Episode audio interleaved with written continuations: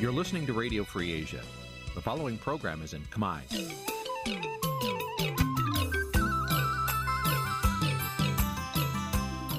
Nǐ chi càm bi tiệp xáy vệt chiu a zì sê ray នេះជាកម្មវិធីផ្សាយរបស់ Vithu Azisari ជាភាសាខ្មែរ វត្តឈូអាស៊ីសេរីសូមស្វាគមន៍លោកអ្នកនាងទាំងអស់ពីរដ្ឋធានី Washington នៃសហរដ្ឋអាមេរិក បាទពីរដ្ឋធានី Washington សហរដ្ឋអាមេរិកខ្ញុំបាទមេរិតសូមជម្រាបសួរលោកអ្នកនាងកញ្ញាប្រិយមិត្តអ្នកស្ដាប់ Visual C ស្រីទាំងអស់ជាទីមេត្រីយើងខ្ញុំសូមជូនកម្មវិធីផ្សាយសម្រាប់ព្រឹកថ្ងៃច័ន្ទ6កើតខែមិញឆ្នាំឆ្លូវត្រីស័កពុទ្ធសករាជ2565ដែលត្រូវនឹងថ្ងៃទី7ខែកុម្ភៈគ្រិស្តសករាជ2022បាទជាដំបូងនេះសូមអញ្ជើញលោកអ្នកនាងកញ្ញាស្ដាប់ព័ត៌មានប្រចាំថ្ងៃដែលមានមេត្តាដូចតទៅ អ្នកវិភាគថាលោកហ៊ុនសែនបោកប្រាស់ពលរដ្ឋរឿងជួយអតីតយុទ្ធជន សកម្មជនបពប្រឆាំងរិះគន់លោកហ៊ុនសែនថានឹងរងភាពអាម៉ាស់នៅក្នុងកិច្ចប្រជុំកំពូលអាស៊ានអាមេរិកលោកហ៊ុនម៉ាណែតគ្រងធ្វើទស្សនកិច្ចទៅប្រទេសជប៉ុន ដើម្បីពង្រឹងកិច្ចសហប្រតិបត្តិការវិស័យការពារជាតិខណៈលោករងការរិះគន់ពីការទទួលយកជំនួយពីចិនពលរដ្ឋជាង100គ្រួសារនៅខេត្តកោះកុង នាំគ្នាបោះតង់លើដីមានចំនួនជាមួយក្រុមហ៊ុនស្កអំពៅរបស់លោកលីយ៉ុងផាត់ដើម្បីស្វែងរកដំណោះស្រាយរួមនឹងព័ត៌មានផ្សេងៗមួយចំនួនទៀតបាទជាបន្តទៅទៀតនេះខ្ញុំបាទមេរិតសូមជូនព័ត៌មានទាំងនេះពិស្ដាបាទលោកនាងប្រិមម្នាក់ស្ដាប់ជាទីមេត្រីអ្នកវិភាគនយោបាយនិងសង្គមដែលហ៊ាននិយាយរិះគន់លោកនាយរដ្ឋមន្ត្រីហ៊ុនសែនដោយឥតសំចៃមាត់អះអាងថា លោកហ៊ុនសែនកំពុងបោកប្រាស់ប្រជាពលរដ្ឋឲ្យជឿថាលោកមានសន្តានចិត្តគិតគូររឿងជួយអតីតយុទ្ធជន តាមរយៈការប្រកាសយកប្រាក់ដែលទទួលបានពីការលក់សិភៅនិងប្រាក់រង្វាន់ពីអង្គការសាសនាកូរ៉េ លោកកឹមសុខចាត់ទុកសារបែបនេះថាជាការយល់សប្តិទាំងកណ្ដាលថ្ងៃត្រង់និងជាសារប្រជាពិធតែប៉ុណ្ណោះព្រោះលោកហ៊ុនសែនកាន់តំណែងជានាយករដ្ឋមន្ត្រីជិត40ឆ្នាំមកហើយហើយអ្វីទើបតែនឹកឃើញសរសេរសិភៅលក់និងយកប្រាក់បានពីរង្វាន់បន្តិចបន្តួចទៅជួយអតីតយុទ្ធជន ដែលខ្វះការយកចិត្តទុកដាក់ពីរដ្ឋាភិបាលនេះជាយូរយារណាស់មកហើយនោះយុទ្ធជនពិការក្រីក្រលំបាក ដែលរដ្ឋាភិបាលលោកហ៊ុនសែនមិនទទួលខុសត្រូវនឹងច្រើនណាស់ហើយអាជ្ញាធរលោកហ៊ុនសែននឹងធ្វើអាជីវកម្មលើយុទ្ធជនទាំងអស់នោះទៅទៀតដូចជាគាត់បើកប្រាក់អាហារសង្គមកិច្ចរបស់ពួកគាត់ជាដើមហ្នឹងគេកឹបកេងពីរបបហ្នឹងដោយអំពើពុករលួយស្រស់ស្រស់នៅនឹងភ្នែកហើយយុទ្ធជនដឹងច្បាស់ណាស់ប្រតិកម្មរបស់លោកកឹមសុខនេះ ធ្វើឡើងតបទៅនឹងសាររបស់លោកហ៊ុនសែនដែលថ្លែងនៅក្នុងកិច្ចប្រជុំគណៈរដ្ឋមន្ត្រីកាលពីថ្ងៃទី4ខែកុម្ភៈដែលលោកហ៊ុនសែនថាលុយបានមកពីការលក់សិភៅរឿងគូប្រេងមិនព្រាត់ប្រមាណ7000ដុល្លារនិង1លានដុល្លារទៀតពីរង្វាន់អង្គការសាសនាកូរ៉េឈ្មោះសុនហៈនឹងត្រូវយកទៅបន្តសាងសង់លំនៅឋានជូនអតីតយុទ្ធជន លោកកឹមសុខថាសាររបស់លោកហ៊ុនសែនគឺផ្ទុយទៅនឹងការពិតជាក់ស្ដែង ដែលលោកថារដ្ឋាភិបាលចំណាយលុយឥតប្រយោជន៍រាប់លានដុល្លារដើម្បីសាងសង់ស្ទូបអនុស្សាវរីយ៍ទាហានវៀតណាម ដែលពលរដ្ឋខ្មែរភៀសច្រើនមិនពេញចិត្តលោកថាប្រសិនបើរដ្ឋាភិបាលយកលុយទាំងនោះមកជួយដល់យុទ្ធជន នោះគឺបានផលប្រយោជន៍ច្រើនជាងការយកទៅចំណាយសាងសង់ស្ទូបវៀតណាមទាំងនោះទៀតម្យ៉ាងវិញទៀត លោកថារដ្ឋាភិបាលលោកហ៊ុនសែនផ្ដល់ដីសម្បត្តិរាប់សិបម៉ឺនហិកតា នៅទូទាំងប្រទេសកម្ពុជា ទៅឲ្យក្រុមហ៊ុនវៀតណាមធ្វើអាជីវកម្មដែលដីទាំងនោះគួរតែផ្ដល់ទៅគ្រួសារយុទ្ធជន ដើម្បីអាស្រ័យផល ធ្វើស្រែចម្ការដោះស្រាយជីវភាពរបស់ពួកគេមិនតែប៉ុណ្ណោះលោកថាចំការកស៊ូធំធំជាច្រើន នៅកម្ពុជា ជារបស់វៀតណាមដោយមានថៅកែអ្នកបច្ចេកទេស និងសូម្បីតែកម្មករក៏ជាជនជាតិវៀតណាមទៅទៀត លោកកឹមសុខចោទជាសំណួរទៀតថាហេតុអ្វីបានជាមិនផ្ដល់ឱកាសឲ្យយុទ្ធជនក្រីក្រ នៅក្នុងការទទួលបានផលពីអាជីវកម្មទាំងនោះផងជុំវិញពានរង្វាន់សន្តិភាពនោះគឺលោកហ៊ុនសែនទទួលបានពីអង្គការសាសនាកូរ៉េមួយ ដែលបង្កើតឡើងដោយប្តីប្រពន្ធកូរ៉េ2នាក់អង្គការសាសនានេះគឺជាអង្គការរកប្រាក់ចំណេញពីអ្នកចូលជាសមាជិក ប្រធានអង្គការនេះធ្លាប់ជាប់គុកជិត1ឆ្នាំនៅសហរដ្ឋអាមេរិកដោយសារតែលួចបន្លំពន្ធនិងរួមគំនិតប្រព្រឹត្តបទឧក្រិដ្ឋបាទលោកនាងប្រិមម្នាក់ស្ដាប់ជាទីមេត្រីលោកនាងកំពុងស្ដាប់កម្មវិធីផ្សាយរបស់ Visual C ស្រីផ្សាយចេញពីរដ្ឋធានី Washington សហរដ្ឋអាមេរិក បាទព័ត៌មានពាក់ព័ន្ធនឹងកិច្ចប្រជុំកំពូលអាស៊ានអាមេរិកដែលគ្រោងនឹងធ្វើនៅរយៈពេលប្រមាណខែខាងមុខទៀតនេះមន្ត្រីគណៈបពប្រឆាំងនិងអ្នកវិភាគនយោបាយរិះគន់ថាលោកនាយរដ្ឋមន្ត្រីហ៊ុនសែនប្រឈមនឹងភាពអាម៉ាស់និងជាប់ផុងដកខ្លួនមិនរួចប៉ះសិនបើលោកទៅចូលរួមកិច្ចប្រជុំមេដឹកនាំកំពូលអាស៊ានអាមេរិកនៅរដ្ឋធានី Washington សហរដ្ឋអាមេរិកនាពេលខាងមុខនេះ ប្រតិកម្មនេះធ្វើឡើងក្រោយពីលោកហ៊ុនសែនឆ្លើយតបតាមការអញ្ជើញរបស់ប្រធានាធិបតីសហរដ្ឋអាមេរិកលោក Joe Biden ថានឹងទៅចូលរួមកិច្ចប្រជុំកំពូលអាស៊ានអាមេរិកនៅពេលខាងមុខនេះមន្ត្រីគណៈបពប្រឆាំងនិងអ្នកវិភាគនយោបាយយល់ឃើញថាការដែលសហរដ្ឋអាមេរិកអញ្ជើញលោកហ៊ុនសែនទៅចូលរួមកិច្ចប្រជុំកំពូលអាស៊ានអាមេរិកដែលនឹងប្រព្រឹត្តទៅនាពេលខាងមុខនោះគឺពុំមែនមានន័យថាប្រធានាធិបតីអាមេរិកទទួលស្គាល់ថាកម្ពុជា ជាប្រទេសមានប្រជាធិបតេយ្យនោះទេក៏ប៉ុន្តែគឺដោយសារតែកម្ពុជា ជាប្រធានបដូវវេនអាស៊ាន ឆ្នាំ2022ប្រធានគណៈបកសង្គ្រោះជាតិរាជធានីភ្នំពេញលោកមនផល្លាប្រាវិជួស៊ីស្រីនៅថ្ងៃទី6ខែកុម្ភៈថាលោកហ៊ុនសាននឹងទទួលរងនៅភាពអាម៉ាស់កាន់តែខ្លាំងប៉ះសិនបើលោកនៅតែបន្តដឹកនាំបែបផ្ដាច់ការហើយងាកទៅអោបកសោបចិនដោយសពថ្ងៃនេះបើលោកហ៊ុនសែនមិនផ្លាស់ប្ដូរអេរិយាបថ ហើយនៅតែងប់ងល់ទៅនឹងចិនងប់ងល់ទៅនឹងមេដឹកនាំនៃរបបកុម្មុយនីសនោះទេ គឺលោកហ៊ុនសែនប្រឈមទៅនឹងការដាក់សម្ពាធធ្ងន់ធ្ងរពីសហរដ្ឋអាមេរិកក៏ដូចជាសហភាពអឺរ៉ុបផងដែរបាទប្រតិកម្មនេះធ្វើឡើងក្រោយពេលលោកហ៊ុនសែនបានឆ្លើយតបទៅនឹងការអញ្ជើញទៅចូលរួមកិច្ចប្រជុំកំពូលអាស៊ានអាមេរិកដែលនឹងប្រព្រឹត្តទៅនារយៈពេលប្រមាណខែខាងមុខនេះ លោកហ៊ុនសានបានបញ្ជាក់នៅក្នុងលិខិតចុះថ្ងៃទី1ខែកុម្ភៈថាលោកមានជំនឿថាកិច្ចប្រជុំនេះនឹងក្លាយជាឱកាសល្អមួយនៅក្នុងការផ្លាស់ប្តូរយោបល់គ្នាដើម្បីឲ្យអាស៊ាននិងសហរដ្ឋអាមេរិកមានការរីកចម្រើនទៅមុខបន្ថែមទៀតមេដឹកនាំដែលតែងតែវាយប្រហារសហរដ្ឋអាមេរិករូបនេះបញ្ជាក់បន្ថែមថាលោកកំពុងទន្ទឹងរង់ចាំធ្វើការយ៉ាងជិតស្និទ្ធនឹងជួបលោកប្រធានាធិបតី Joe Biden ដោយផ្ទាល់នៅសហរដ្ឋអាមេរិក កាលពីថ្ងៃទី14ខែមករាប្រធានាធិបតីសហរដ្ឋអាមេរិកលោក Joe Biden បានអញ្ជើញលោកហ៊ុនសែនដែលជាប្រធានបដូវវេនអាស៊ានឆ្នាំ2022ឲ្យទៅចូលរួមកិច្ចប្រជុំកំពូលអាស៊ានអាមេរិកលោក Joe Biden លើកឡើងនៅក្នុងលិខិតនោះថាក្រោមភាពជាប្រធានអាស៊ានរបស់កម្ពុជាសហរដ្ឋអាមេរិកសង្ឃឹមថាទំនាក់ទំនងរវាងអាស៊ាននិងសហរដ្ឋអាមេរិកនឹងកាន់តែរីកចម្រើននិងបន្តឆ្ពោះទៅសម្រេចបានគោលដៅរួមទាំងអស់គ្នានៅក្នុងតំបន់ លោកបញ្ជាក់ថាសហរដ្ឋអាមេរិកគ្រប់គ្រងការសម្រេចរបស់អាស៊ាន ហើយគ្រប់គ្រងអត់ងាករេអំពីអាស៊ានជាស្នូលនិងជាបេះដូងនៃតំបន់ Indo-Pacific អ្នកជំនាញវិទ្យាសាស្ត្រនយោបាយលោកអែមសវណ្ណារាយល់ថាការដែលប្រធានាធិបតីអាមេរិកអញ្ជើញលោកនាយរដ្ឋមន្ត្រីហ៊ុនសែនទៅចូលរួមកិច្ចប្រជុំនេះពុំមែនមានន័យថាសហរដ្ឋអាមេរិក គ្រប់គ្រងរដ្ឋាភិបាលក្រុងភ្នំពេញគោរពសិទ្ធិមនុស្សនិងមានប្រជាធិបតេយ្យនោះទេក៏ប៉ុន្តែលោកថានេះគឺជាការបង្កើតទំនាក់ទំនងផ្លូវរដ្ឋមួយដោយស្មើមុខស្មើមាត់គ្នាលោកបញ្ជាក់ថាបញ្ហានេះអាចដំណើរការល្អបាន អាស្រ័យទៅលើកម្ពុជារក្សាទំនាក់ទំនងល្អជាមួយចិន ឬជាមួយប្រទេសសេរីលោកខាងលិចបើអត់បានទេខ្ញុ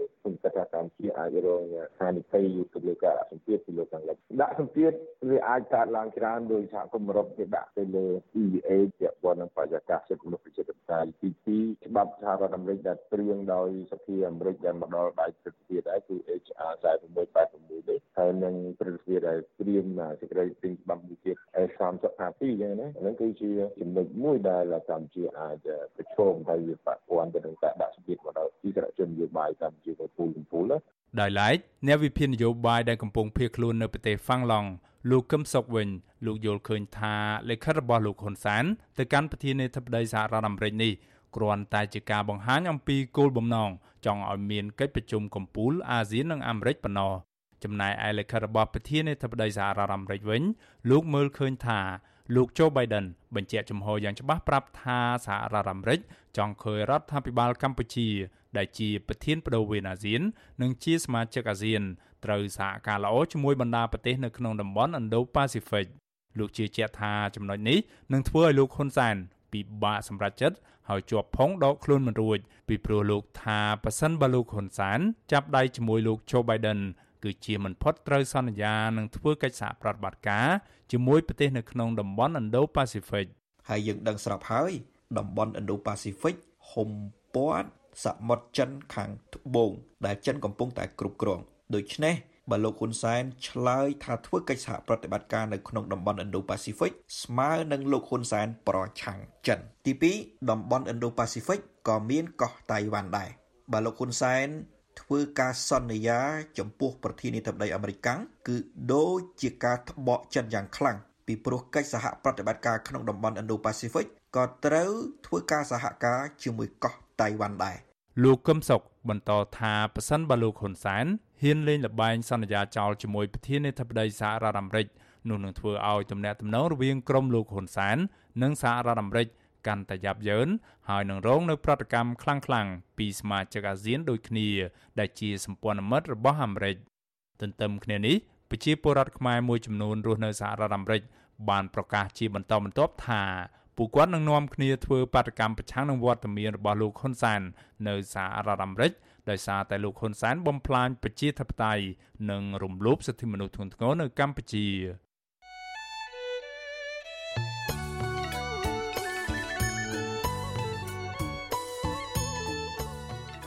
បាទលោកនាងកញ្ញាប្រិមម្នាក់ស្ដាប់ជាទីមេត្រីនៅក្នុងឱកាសនេះដែរខ្ញុំបាទសូមថ្លែងអំណរគុណដល់លោកនាងកញ្ញាទាំងអស់ដែលតែងតែមានភក្ដីភាពចំពោះការផ្សាយរបស់យើងខ្ញុំ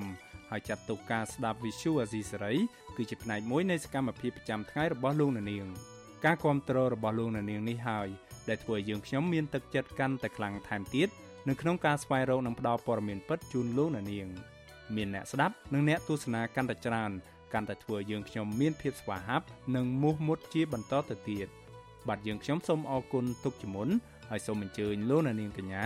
ចូលរួមជំរុញឲ្យសកម្មភាពផ្តល់ព័ត៌មានពិតរបស់យើងខ្ញុំនេះកាន់តែជោគជ័យបន្ថែមទៀតលោកអ្នកនាងអាចជួយយើងខ្ញុំបានដោយគ្រាន់តែចុចចែករំលែកឬ Share ការផ្សាយរបស់យើងខ្ញុំនៅលើបណ្ដាញសង្គម Facebook និង YouTube ទៅកាន់មិត្តភ័ក្តិដើម្បីឲ្យការផ្សាយរបស់យើងបានទៅដល់មនុស្សកាន់តែច្រើន បាទសូមអរគុណ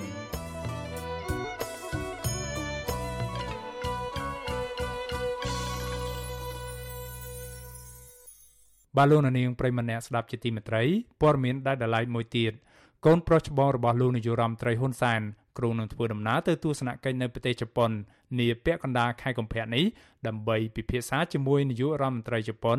និងមន្ត្រីជាន់ខ្ពស់ជប៉ុនដទៃទៀតក្នុងការពង្រឹងកិច្ចសហប្រតិបត្តិការខាងវិស័យការពារជាតិទ្វេភាគីរវាងប្រទេសទាំងពីរទីភ្នាក់ងារសារព័ត៌មានជប៉ុន Kyodo រាយការណ៍កាលពីថ្ងៃទី6ខែកុម្ភៈថា យោងតាមប្រភពពីរដ្ឋាភិបាលជប៉ុនលោកហ៊ុនម៉ាណែតដែលជាបេក្ខជនបន្តវេននាយករដ្ឋមន្ត្រីរបស់គណៈបកកណ្ដាលអំណាចគ្រូនឹងជួបពិភាក្សាដោយដលែកជាមួយនាយករដ្ឋមន្ត្រីជប៉ុន លោក Fumio Kishida រដ្ឋមន្ត្រីការបរទេសជប៉ុន លោក Yoshimasa Hayashi និងរដ្ឋមន្ត្រីការពារជាតិជប៉ុន លោក Nobio Kishi នៅក្នុងដំណើរទស្សនកិច្ចនេះដើម្បីពិភាក្សារិះរងមធ្យោបាយនានានៅក្នុងការពង្រឹងកិច្ចសហប្រតិបត្តិការកាន់តែស៊ីជម្រៅខាងវិស័យការពារជាតិទ្វេភាគីរវាងប្រទេសទាំងពីររួមទាំងបញ្ហាចម្បងចម្បងមួយចំនួនទៀតទោះជាយ៉ាងណាប្រពន្ធដដែលនេះពុំបានឲ្យដឹងអំពីការបរិច្ឆេទជាក់លាក់នៃដំណើរទស្សនកិច្ចនេះទេដោយគ្រាន់តែបញ្ជាក់ថាដំណើរទស្សនកិច្ចរបស់លោកហ៊ុនម៉ាណែតនេះធ្វើឡើងតបតាមការអញ្ជើញរបស់រដ្ឋមន្ត្រីការពារជាតិជប៉ុន ដោយសារតែឆ្នាំ2022នេះគឺជាខួបលើកទី30ដែលប្រទេសជប៉ុនបានបញ្ជូនបុគ្គលិកនៃកងកម្លាំងស្វ័យការពារជប៉ុនជាលើកដំបូងមកកាន់ប្រទេសកម្ពុជានៅក្នុងអំឡុងពេលបេសកកម្មថែរក្សាសន្តិភាពរបស់អង្គការសហប្រជាជាតិក្រោយពីមានកិច្ចព្រមព្រៀងសន្តិភាពក្រុងប៉ារីសឆ្នាំ1991កន្លងទៅលោកហ៊ុនម៉ាណែត ធ្លាប់ទៅធ្វើទស្សនកិច្ចនៅប្រទេសជប៉ុន កាលពីខែមេសាឆ្នាំ2018ដែលកាលនោះលោកបានជួបជាមួយអតីតនាយករដ្ឋមន្ត្រីជប៉ុន គឺលោក Shinzo Abe ថ្មីថ្មីនេះលោកនាយករដ្ឋមន្ត្រីហ៊ុនសែនបានគាំទ្រចំពោះការប្រួយផ្ដើមឲ្យមានសួនសាធារណៈដែលជាសួនអនុស្សាវរីយ៍កម្ពុជាជប៉ុនដោយដាក់ឈ្មោះថាសួន PKO សម្រាប់សាធារណជនប្រើប្រាស់ផង និងសម្រាប់ជាតំណាងនៃទំនាក់ទំនងរវាងកម្ពុជានិងជប៉ុនផង ស្របពេលដែលកម្ពុជាធ្វើជាប្រធានបដូវវេនអាស៊ានឆ្នាំ2022ប្រទេសជប៉ុនក៏បានបង្ហាញពីចេតនាត្រៀមខ្លួននៅក្នុងការធ្វើការយ៉ាងជិតស្និទ្ធជាមួយកម្ពុជា ចំពោះការសម្របសម្រួលសម្រាប់ការចរចា លើបញ្ហានៃវិបត្តិមីយ៉ាន់ម៉ាឬភូមាភ្លាមភ្លាមក្រោយពីជំនះក្លាយជាបេក្ខជននាយករដ្ឋមន្ត្រីបន្តវេនពីឪពុក មេដឹកនាំបរទេសដែលលោកហ៊ុនម៉ាណែត បានចេញមុខជួបមុនគេនោះគឺប្រធានាធិបតីវៀតណាម លោកងវៀងស៊ុនហ្វុកក្រោយមកទៀតលោកក៏បានចេញមុខទទួលយកជំនួយទាំងថវិកានិងសម្ភារៈផ្សេងៗពីក្រុមសប្បុរសជន ដែលភ ieck ច្រើនគឺជាជនជាតិចិនទង្វើរបស់អគ្គមេបញ្ជាការរងនៃកងយោធពលខេមរៈភូមិន្ទនិងជាឧត្តមសេនីយ៍ផ្កាយ3រូបនេះរងនឹងការរិះគន់ពីមន្ត្រីបពប្រឆាំងនិងមន្ត្រីសង្គមស៊ីវិលថា លោកកំពុងដើរតាមគន្លងមិនខុសពីឪពុករបស់លោក នៅក្នុងការពឹងផ្អែកលើជំនួយ និងកម្ចីរបស់បរទេសជាពិសេសរបស់ក្រុមអ្នកជំនួញចិន ដើម្បីពង្រឹងនឹងការពីអំណាចរបស់ខ្លួនពួកគេប្រមានថាការទទួលយកជំនួយឧបត្ថម្ភផ្សេងៗពីក្រុមអ្នកជំនួញបរទេសរបស់លោកហ៊ុនម៉ាណែតនេះអាចនាំឲ្យមានទំនាស់ផលប្រយោជន៍និងប៉ះពាល់ដល់ឯករាជ្យរបស់ស្ថាប័នកងទ័ពជាតិ បាឡូណានាងប្រិមម្នាក់ស្ដាប់ជាទីមេត្រីពាក់ព័ន្ធនឹងកិច្ចសហប្រតិបត្តិការរវាងកម្ពុជានិងជប៉ុននេះដែររដ្ឋាភិបាលនៃប្រទេសជប៉ុនបានសម្រេចផ្តល់ជំនួយគ្រឿងចាក់មួយគ្រឿងបន្ថែមទៀតដល់មជ្ឈមណ្ឌលសកម្មភាពកម្ចាត់មីនកម្ពុជាហៅកាត់ថាស៊ីម៉ាដើម្បីយកទៅប្រើប្រាស់នៅក្នុងសកម្មភាពកម្ចាត់មីននៅកម្ពុជាអគ្គនាយកមជ្ឈមណ្ឌលសកម្មភាពកម្ចាត់មីនកម្ពុជាលោកហេរតនាបានសរសេរនៅលើទំព័រ Facebook របស់លោកថា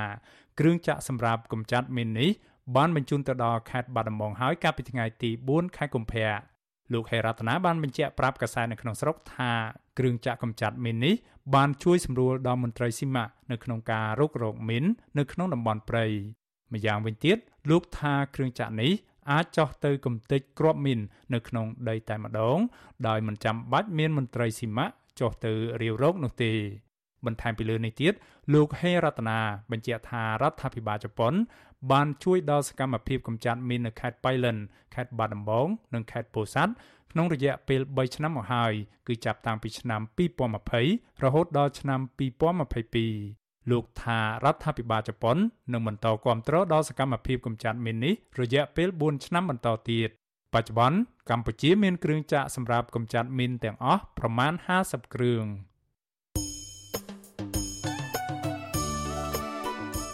បាទលោកនាងប្រិមម្នាក់ស្ដាប់ជាទីមេត្រីដំណើរគ្នានឹងការស្ដាប់កម្មវិធីផ្សាយរបស់ Visual C ស្រីតាមបណ្ដាញសង្គម Facebook និង YouTube លោកនាងក៏អាចស្ដាប់កម្មវិធីផ្សាយរបស់ Visual C ស្រីតាមរលកធារកាសខ្លីឬ Shortwave តាមកម្រិតនិងកម្ពស់ដូចតទៅនេះពេលព្រឹកចាប់ពីម៉ោង5កន្លះដល់ម៉ោង6កន្លះតាមរយៈរលកធារកាសខ្លី9390 kHz ស្មើនឹងកម្ពស់ 32m និង11850 kHz ស្មើនឹងកម្ពស់ 25m ពេលយប់ចាប់ពីម៉ោង7កន្លះដល់ម៉ោង8កន្លះតាមរយៈរលកធារកាសខ្លី9390 kHz ស្មើនឹងកម្ពស់ 32m និង15155 kHz ស្មើនឹងកម្ពស់ 20m បាទសូមអរគុណ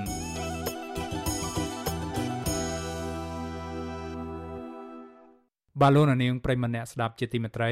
លោកនាងកំពុងស្ដាប់កម្មវិធីផ្សាយរបស់ Visual C សេរីផ្សាយចេញពីរដ្ឋធានី Washington សហរដ្ឋអាមេរិកបាទយើងងាកមកពិនិត្យមើលសំណុំរឿងតាក់ទងនឹងការធ្វើកោតកម្មរបស់កម្មករនិយោជិតនៃកាស៊ីណូ Naga World វិញម្ដង បាទសមត្ថកិច្ចក្រុងភ្នំពេញសាកសួរកោតករ Naga World 3នាក់តាមដីកាបង្គាប់របស់តុលាការក្រុងភ្នំពេញដែលចោទពួកគេពីបទរារាំងវិធានការសុខាភិបាល ទន្ទឹមគ្នានេះសមាជិកក៏ស្វែងរកចាប់ខ្លួនស្ត្រីកោតក្រចំនួន4នាក់បន្ថែមទៀតពាក់ព័ន្ធនឹងករណីដូចគ្នានេះដើម្បីយកទៅសាកសួរនៅស្នងការដ្ឋាននគរបាលរាជធានីភ្នំពេញ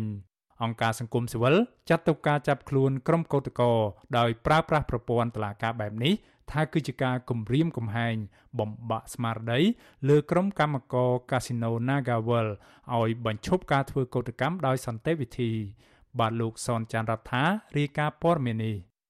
ស្មារតីរាជធានីភ្នំពេញបន្តសាកសួរកតកោ3នាក់ដែលជាបុគ្គលិក Nagavel ក្នុងនោះមានឈ្មោះជួបចនាតលោកសេងសវណ្ណរិទ្ធនិងលោកសោកសម្បត្តិដើម្បីកសាងសំណុំរឿងបញ្ជូនទៅតុលាការពាក់ព័ន្ធករណីរារាំងដល់ការអនុវត្តវិធានការទប់ស្កាត់ COVID-19 ទន្ទឹមគ្នានេះអាជ្ញាធរក្រុងភ្នំពេញក៏តាមស្វែងរកស្ត្រីកតកោ4នាក់បន្ថែមទៀតដើម្បីនាំខ្លួនទៅសាកសួរតាមនីតិរបស់តុលាការក្រុងភ្នំពេញពាក់ព័ន្ធករណីដូចគ្នានេះក្នុងនោះមានឈ្មោះអុកសុភ័ក្រមូលិកា កញ្ញាមេងកនិកាកញ្ញាអេងស្រីបូនិងលោកស្រីខេងចន្ទាអ្នកនាំពាក្យនៃស្នងការដ្ឋាននគរបាលរាជធានីភ្នំពេញលោកសានសុកសេហាបានប្រាវិទ្យាអាស៊ីសេរីនៅថ្ងៃទី6ខែកុម្ភៈថាការចាប់ខ្លួនជនសង្ស័យទៅនេះគឺអនុវត្តតាមនីតិបង្កប់ឲ្យចូលខ្លួនរបស់ព្រះអាជ្ញារងនៃសាលាដំបងរាជធានីភ្នំពេញលោកសេងហៀងដែលចោទថាពួកគេបានរៀបរៀងវិធានការសុខាភិបាលតាមមាត្រាទី11នៃច្បាប់ប្រយុទ្ធប្រឆាំង COVID-19 លោកបញ្ជាក់ថាសមត្ថកិច្ចនឹងបញ្ជូនជនសង្ស័យទាំង3នាក់ទៅតុលាការក្រុងភ្នំពេញ បន្ទាប់ពីបញ្ចប់នីតិវិធីសាកសួរយើងកំពុងតែធ្វើការសួរនាំនៅក្នុងការដ្ឋាននគរបាលរាជភ្នំពេញហើយយើងនឹងបើសិនជាបន្ទាប់ពីធ្វើការសួរនាំហើយយើងនឹងអនុវត្តតាមនីតិវិធីដើម្បីបញ្ជូនព្រោះថាតកតងនឹងករណីហ្នឹងយើងអនុវត្តនេះគឺយើងអនុវត្តតាមដីការបស់តុលាការណាក្រុមកម្មករ Nagawal សោកស្ដាយចំពោះចំណាត់ការរបស់អាជ្ញាធរក្រុងភ្នំពេញនិងក្រសួងសុខាភិបាលដែលប្រាប់ពួកគាត់ទៅផ្ដោតសំណាក់រោគ COVID-19 នៅកោះពេជ្រក៏ប៉ុន្តែបែរជាប្រើប្រព័ន្ធតុលាការតាមចាប់ខ្លួនក្រុមគឧតកោ7នាក់ដោយថាល្មើសនឹងវិធានការសុខាភិបាល នៅក្នុងការទប់ស្កាត់ COVID-19 ទៅវិញកម្មករ Nagawal ម្នាក់ដែលស្ថិតក្នុងចំណោមគឧតកោ7នាក់កញ្ញាអុកសុភមូលិកាបានប្រាប់វិទ្យុអាស៊ីសេរីនៅថ្ងៃទី6ខែកុម្ភៈថាទង្វើទាំងអស់នេះគឺបង្ហាញឃើញពីចេតនារបស់តុលាការអាជ្ញាធរនៅក្រសួងពាក់ព័ន្ធក្នុងរឿងនេះគឺលំអៀងទៅខាងក្រុមហ៊ុនដោយប្រើគ្រប់វិធីដើម្បីបង្ក្រាបនិងបំបែកក្រុមគឧតកោឲ្យឈប់ធ្វើកតកម្មទាមទារដំណោះស្រាយការងារដោយសន្តិវិធីកញ្ញាបញ្ជាក់ថានេះជាវិវាទការងាររវាងកម្មករនយោជិតជាមួយថកែក្រុមហ៊ុនបលបៃ Nagavel ដូចនេះអាជ្ញាធរក្រសួងសុខាភិបាលក្រសួងការងារនិងតុលាការមិនគួរដាក់សម្ពាធគ្រប់រូបភាពមកលើក្រុមកម្មករបែបនេះទេគោលបំណងពញាពេលហើយចង់ចាប់ខ្លួនក្រុមកុតកោយើងដែលមានសកម្មភាពសកម្មនៅពេលដែលធ្វើធ្វើកុតកម្មហ្នឹងព្រោះយើងឃើញចាក់ស្ដាយនឹងភ្នែកទាំងអស់គ្នាហើយអញ្ចឹងខ្ញុំសូមស្នើសុំឲ្យក្រសួងពាក់ព័ន្ធទាំងអស់ឈប់ប្រើប្រព័ន្ធតុលាការឈប់ប្រើរូបភាពគម្រាមកំហែងបែបហ្នឹងមកលើក្រុមគឧតកោព្រោះរឿងនេះឬវិវាទការងារក្រុមហ៊ុន Nagawal អត់មានត្រូវយកក្រសួងការងារក្រសួងសុខាភិបាលអីយកមករៀបរៀងក្រុមគឧតកោទេគួរតែរកវិធីដោះស្រាយវិវាទការងារជាមួយបុគ្គលិកកម្មករជាមួយនឹងក្រុមហ៊ុនហើយហេតុអីបានជាត្រូវយកក្រសួងជាច្រើនយកមកពាក់ព័ន្ធនេះដែលដោយសារវិវាទការងារក្រុមហ៊ុន Nagawer មួយសោះនេះដោះដោះអត់កើតនេះបង្ហាញថាវាអសមត្ថភាពរបស់ក្រសួងការងារកាលពីយប់ថ្ងៃទី5ខែកុម្ភៈសមាជិកស្លៀកពាក់ស៊ីវិលជាច្រើនអ្នកបានស្ទាក់ចាប់គឧតកោ6នាក់ក្នុងនោះមានស្ត្រី3នាក់ប្រុស3នាក់ត្រង់ស្ពានកោះពេញខណៈដែលពួកគេធ្វើដំណើរតាមរមាក់កង់3 ជិះគ្នា4នាក់និងម៉ូតូមួយគ្រឿងមួយគ្នា2នាក់ពេលចេញពីកន្លែងធ្វើតេស្តរហ័សរោគ COVID-19 វិលត្រឡប់ទៅផ្ទះវិញក៏ប៉ុន្តែសមាជិកបានដោះលែងគឧតកោជាស្ត្រី3នាក់មកវិញនៅយប់ដដែលនោះកម្មករដឹងថាក្រុមគ្រូពេទ្យបានបិទភ្លើងនៅទីតាំងធ្វើសំណាក់ដោយយកហេតុផលថាចាប់ម៉ោងធ្វើការលុះដល់ម៉ោង7:10យប់ទើបអាជ្ញាធរអនុញ្ញាតឲ្យពួកគេធ្វើដំណើរចេញពីទីតាំងនោះត្រឡប់ទៅផ្ទះវិញដោយមានក្រុមសមាជិកស្លៀកពាក់ធម្មតាបន្តតាមដានក្រុមគឧតកោតាក់ទងរឿងនេះ ប្រធានសមាគមអាត់ហុកលោកនីសុខាមានប្រសាសន៍ថាករណីចាប់ខ្លួនកតកដោយយកហេតុផលតាក់ទងនឹង COVID-19 នេះគឺជារូបភាពថ្មីមួយទៀតដោយអាជ្ញាធរនឹងតឡាការចង់មកបាក់ស្មារតីក្រុមកតក Nagavel កុំឲ្យបន្តទៀមទារដំណោះស្រាយការងារបន្តទៀតលោកបន្តថាការប្រាចំណាត់ការបែបនេះមិនមែនជាមធ្យោបាយដោះស្រាយបញ្ចប់បញ្ហាទេផ្ទុយទៅវិញវារឹតតែបង្កភាពឈឺចាប់និងរឿងអយុត្តិធម៌កាន់តែច្រើនចំពោះកតកទៅវិញទេលោកស្នើឲ្យតឡាការទម្លាក់ចោលការចាប់ប្រកាន់ហើយដោះលែងពួកគេមានសេរីភាពឡើងវិញ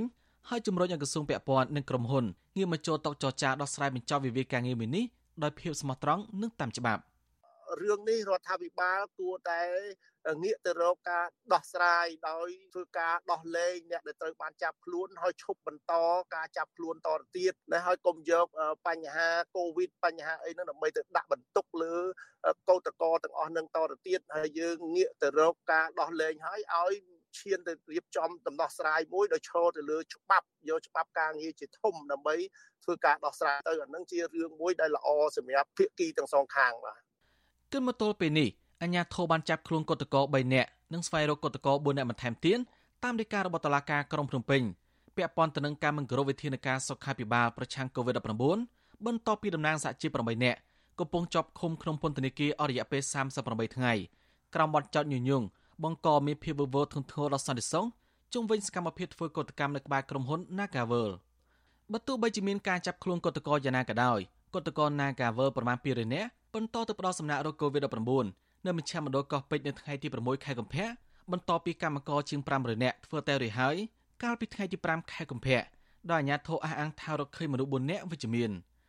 កម្មករដឹងថាក្រុមគ្រូពេទ្យមិនបានចាត់វិធានការសុខាភិបាល ដោយយកកតកោ4នាក់នោះទៅព្យាបាលនៅមន្ទីរពេទ្យទេដែលឲ្យពួកគាត់ទៅសួររឿងនេះពីអាជ្ញាធរទៅវិញកម្មករបញ្ជាក់ថាក្រុមគ្រូពេទ្យតម្រូវពួកគាត់ទាំងអស់សម្រាប់នៅផ្ទះរយៈពេល3ថ្ងៃរងចាំលទ្ធផលម្ដងទៀតចេញដល់វិទ្យាស្ថាន Pasteur កម្ពុជាហើយបន្តសម្រាប់មួយសប្តាហ៍ទៀតករណីមិនមានផ្ទុក COVID-19 កម្មករ Nagavel ចាត់ទុកថាការដាក់វិធានការសុខាភិបាលរឹតបន្តឹងខុសពីទីតាំងធ្វើសំណាក់ផ្សេងទៀតនេះគឺអាជ្ញាធរមិនចង់ឲ្យពួកគាត់ដែលគ្មាន COVID-19 ជួបជុំគ្នាធ្វើកោតកម្មបន្តទៀត ក្រុមកម្មករ Nagavel ទាមទារឲ្យអាជ្ញាធរដោះលែងកោតក្រទាំងអស់និងតំណាងសហជីព8នាក់ឲ្យមានសេរីភាពឡើងវិញដើម្បីឲ្យពួកគាត់វិលចូលតុចរចាដោះស្រាយបញ្ចប់វិវាទការងារជាមួយក្រុមហ៊ុនដោយមានក្រសួងការងារជាអ្នកសម្របសម្រួលស្របគ្នានេះក្រុមអង្គការសង្គមស៊ីវិលសមាគមនិងសហជីពដែលធ្វើសកម្មភាពលើកកម្ពស់និងការពារសិទ្ធិមនុស្សសិទ្ធិស្ត្រីនិងសិទ្ធិការងាររបស់កម្មករនិយោជិននៅប្រទេសកម្ពុជាចំនួន134ស្ថាប័ននឹងជួបជុំគ្នានៅមុខក្រសួងមហាផ្ទៃនៅថ្ងៃទី7ខែកុម្ភៈ ដើម្បីដាក់លិខិតចំហជូនស្ថាប័នសភាជាតិនិងក្រសួងពាក់ព័ន្ធនៅក្នុងគោលបំណងទាមទារមានការដោះលែងជាបន្ទាន់និងទម្លាក់ចោលការចាប់ប្រកាន់ដែលឥតលក្ខខណ្ឌចំពោះថ្នាក់ដឹកនាំនិងសកម្មជនសហជីពទាំង8រូបដែលតឡាការកំពុងឃុំខ្លួនខ្ញុំសនចាររថាវិទ្យុអាស៊ីសេរីរាយការណ៍ពីរដ្ឋធានីវ៉ាស៊ីនតោន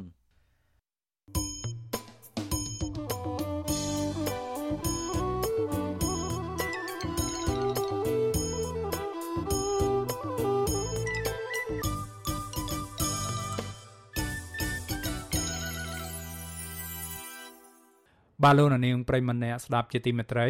សាលារដ្ឋាភិបាលភ្នំពេញចេញបញ្ជាឲ្យអាជ្ញាធរពាក់ព័ន្ធចាត់វិធានការទាំងរដ្ឋបាល និងទាំងវិធានការផ្លូវច្បាប់ចំពោះអ្នកទាំងឡាយណាដែលបន្តការប្រមូលផ្ដុំគ្នាឬជួបជុំគ្នា ដែលអាជ្ញាធរចាត់ទុកថាជាការមិនអនុវត្តតាមវិធានសុខាភិបាល និងរាំងស្ទះដល់ការបំពេញការងាររបស់ក្រុមគ្រូពេទ្យ សាលារដ្ឋាភិបាលភ្នំពេញបានចេញសេចក្តីណែនាំមួយបន្ទាន់ភ្លាម កាលពីយប់ថ្ងៃទី6ខែកុម្ភៈម្សិលមិញដែលអាជ្ញាធរហៅថាវិធានការដើម្បីការពារថែរក្សាអាយុជីវិតក្រុមបាតកោក្រុមគ្រួសារសាច់ញាតិនិងជៀសវាងសោកនាដកម្មនៃការឆ្លងចូលសហគមន៍ទ្រង់ទ្រាយធំ សាលារដ្ឋាភិបាលភ្នំពេញដាក់ចេញចំណាត់ការនេះបន្ទាប់ពីក្រសួងសុខាភិបាលអះអាងថាបានរកឃើញកោតក្រចំនួន29នាក់ឆ្លងជំងឺ Covid-19 ជាប្រភេទមេរោគបំលែងខ្លួនថ្មីអូមីក្រុង កាលពីថ្ងៃដដែលនោះសេចក្តីណែនាំដដែលបញ្ជាក់ថាក្រុមកោតក្រដែលមិនទាន់ផ្ដល់សំណាកត្រូវរុះរាន់ទៅផ្ដល់សំណាក រីឯអ្នកដែលផ្ដល់សំណាករួចគឺទាំងក្រុមកោតក្រនិងទាំងអ្នកដែលជាប់ពាក់ព័ន្ធដោយផ្ទាល់ឬដោយប្រយោលទាំងអស់ត្រូវធ្វើចតាឡេស័ករយៈពេល7ថ្ងៃនិងត្រូវបញ្ឈប់រាល់ការប្រមូលផ្ដុំឬការជួបជុំផ្សេងៗដោយត្រូវអនុវត្តនៅវិធានការសុខាភិបាលប្រពន្ធដដែលបញ្ជាក់ថាករណីមិនអនុវត្តតាមវិធានការសុខាភិបាល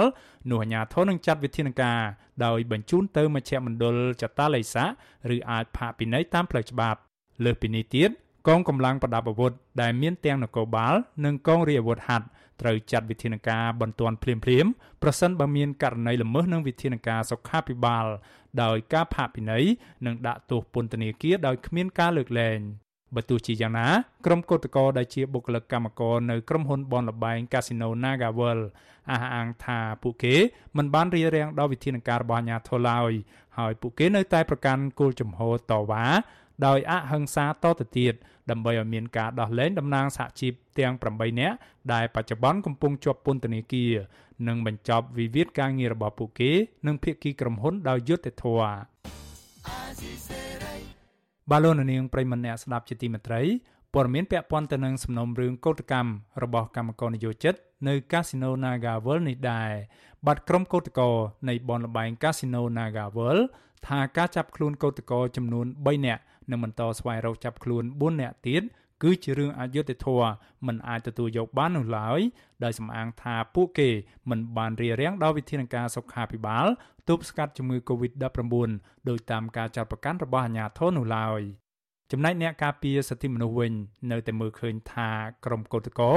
មានសិទ្ធិនៅក្នុងការតវ៉ាដោយអហិង្សាព្រោះសិទ្ធិនេះមានចែងនៅក្នុងបទដ្ឋានច្បាប់កម្ពុជា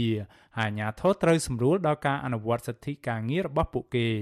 ទោះជាយ៉ាងណាអ្នកសិទ្ធិមនុស្សទទូចឲ្យអាជ្ញាធរដោះស្រាយបញ្ហានេះដោយងាកទៅប្រើប្រាស់ច្បាប់ការងារដោះលែងតំណាងសហជីពដែលកំពុងជាប់ឃុំនិងបញ្ឈប់ការបន្តចាប់ខ្លួនកោតក្រតទៅទៀតព្រោះថាពួកគេកំពុងក្លាយជាជនរងគ្រោះដោយអំពើអយុត្តិធម៌ផ្ទុនផ្ទុនគ្នា បាទសូមអញ្ជើញលោកនាងរងចាំស្ដាប់បទសម្ភាសរវាងអ្នកស្រីសុជីវីជាមួយកម្មករនយោជិតនៃក្រុមហ៊ុន Casino NagaWorld ដែលអាជ្ញាធរចេញដីកាតាមចាប់ខ្លួន គឺកញ្ញាអុកសុភ័ក្រមូលីកា និងលោករស់សុថានាយកប្រតិបត្តិនៃអង្គការសម្ព័ន្ធភាពការពារសិទ្ធិមនុស្សហៅកាត់ថាច្រាក់ជុំវិញរឿងរ៉ាវនេះនាពេលបន្តិចទៀតនេះ បាឡូណានីងប្រិមម្នាក់ស្ដាប់ជាទីមេត្រីព័ត៌មានតកតងនឹងចំនួនដីធ្លីរ៉ាំរ៉ៃនៅឯខេត្តកោះកុងវិញម្ដងបាត់ក្រមប្រជាពលរដ្ឋចំនួន129គ្រួសារក្នុងចំណោមពលរដ្ឋជាង1000គ្រួសារនៅខេត្តកោះកុងបាននាំគ្នាបោះតង់លើដីមានចំនួនជាមួយក្រុមហ៊ុនស្គរអំពៅរបស់លោកអង្ញាលីយ៉ុងផាត់ដើម្បីជំរុញឲ្យអាជ្ញាធរនិងភាគីក្រុមហ៊ុនពន្លឿនផ្ដល់ដំណោះស្រាយដល់ពួកគាត់ឲ្យបានឆាប់ ក៏ប៉ុន្តែសកម្មភាពរបស់ពួកគាត់ត្រូវបានអាជ្ញាធរខេត្តចុះរារាំងមន្ត្រីអង្គការសង្គមស៊ីវិលជំរុញដល់អាជ្ញាធរខេត្តនិងក្រសួងដែនដីគួរពិនិត្យសំណើរបស់ពលរដ្ឋឡើងវិញ ដើម្បីផ្ដល់យុត្តិធម៌ដល់ពួកគាត់ដែលកំពុងជួបនៅទុក្ខលំបាកផ្នែកជីវភាពដោយសារតែគ្មានដីស្រែបង្កបង្កើនផលដោយការពីពេលមុន បាទលោកមួងណារ៉េតរាយការណ៍ព័ត៌មាននេះពលរដ្ឋ100គ្រួសារនៅក្នុងចំណោមប្រជាពលរដ្ឋជាង1000គ្រួសារ ដែលមានចំនួនដីធ្លីសរុបជាង1700ហិកតាស្ថិតនៅក្នុងស្រុកចំនួន3គឺស្រុកបតុមសាគរស្រុកស្រែអំបិលនិងស្រុកថ្មបាំងនៃខេត្តកោះកុងដែលត្រូវបានក្រុមហ៊ុនអ្នកមានលុយមានអំណាចឈូសឆាយរំលោភយកតាំងពីឆ្នាំ2006នោះមកបានបន្តនាំគ្នាចេញតវ៉ានិងដាក់ញត្តិជាបន្តបន្ទាប់ក្រោយអាជ្ញាធរនិងក្រុមហ៊ុន នៅតែមិនចេញមុខដោះស្រាយនៅឡើយ តំណាងប្រជាពលរដ្ឋមកពី3ស្រុកនោះគឺលោកឈឹមសុផានប្រាប់វិទ្យុអាស៊ីសេរីថាប្រជាពលរដ្ឋដែលរងគ្រោះបាននាំគ្នាបោះតង់ស្នាក់នៅលើដីមានចំនួនជាបន្តបន្ទាប់ចាប់តាំងពីថ្ងៃទី29ខែមករារហូតមកដល់ពេលនេះពួកគាត់ត្រូវតស៊ូមតិបែបនេះដោយសារតែស្ថាប័នពាក់ព័ន្ធមិនចេញមុខដោះស្រាយករណីក្រុមហ៊ុនរំលោភយកដីស្រែរបស់ពួកគាត់។ លោកបន្តទៀតថាអាញាធរបែរជាបដិសេធលើញត្តិរបស់ប្រជាពលរដ្ឋហើយថែមទាំងចោទប្រកាន់ពួកគាត់ថាជាមេខ្លោងញុះញង់ក្នុងរឿងវិវាទដីធ្លីនេះទៅវិញលោកឲ្យដឹងទៀតថាសកម្មភាពបោះតង់ជាច្រើនថ្ងៃមកនេះត្រូវបានអាជ្ញាធរខេត្តចុះហាមឃាត់និងបញ្ជាឲ្យពលរដ្ឋរើតង់ចេញពីទីតាំងនោះកាលពីថ្ងៃទី5ខែកុម្ភៈក៏ប៉ុន្តែប្រជាពលរដ្ឋប្រកាន់ជំហរស្នាក់នៅលើដីមានចំនួនជាមួយនឹងក្រុមហ៊ុននេះរហូតដល់តែមានដំណោះស្រាយ 4ឆ្នាំ75ឆ្នាំអត់មានការឆ្លើយតបអីទាំងអស់បែរតែមិនឆ្លើយតបហើយបែរតែចោតប្រជាពលរដ្ឋធ្វើបញ្ហាវឹកវរចេះចោះគ្រប់បែបយ៉ាងទាំងអស់អញ្ចឹងពេលនេះក៏ទៅបោះតង់100ជាងអញ្ចឹងរយៈមួយខែឬពីរខែជាងទៀតអាចបោះតង់រាប់ពាន់គ្រួសារវិទ្យុអាស៊ីសេរីមិនអាចតាក់ទងណែនាំពាក្យក្រសួងដែនដីនគរូបនីយកម្មនិងសំណង់លោកសេងលូតនិងណែនាំពាក្យសាលាខេត្តកោះកុងលោកសុកសុធីដើម្បីបកស្រាយជុំវិញរឿងនេះបាននៅឡើយទេនៅថ្ងៃទី6ខែកុម្ភៈ ដោយទូរស័ព្ទចូលតែពុំមានអ្នកទទួលបើទោះបីជាយ៉ាងនេះក្តីអភិបាលខេត្តកោះកុងអ្នកស្រីមីធុនាពូថងធ្លាប់បានអះអាងប្រាប់វិទ្យុអាស៊ីសេរីកាលពីពេលកន្លងទៅថារដ្ឋបាលសាលាខេត្តកោះកុងបានដោះស្រាយបញ្ហាជូនប្រជាពលរដ្ឋដោយគោរពទៅតាមសេចក្តីសម្រេចរបស់ក្រសួងដែនដី ក៏ប៉ុន្តែលោកឈឹមសុផានអះអាងថាប្រជាពលរដ្ឋដែលចេញតវ៉ាពេលនេះគឺដោយសារតែពួកគាត់មិនទាន់ទទួលបានដំណោះស្រាយនៅឡើយលោកឈឹមសុផានថាការអូសបន្លាយពេលនៅក្នុងការដោះស្រាយបញ្ហានេះបាននាំឲ្យពួកគាត់ជាច្រើនគ្រួសារត្រូវចាកចោលស្រុកទៅធ្វើការនៅប្រទេសថៃ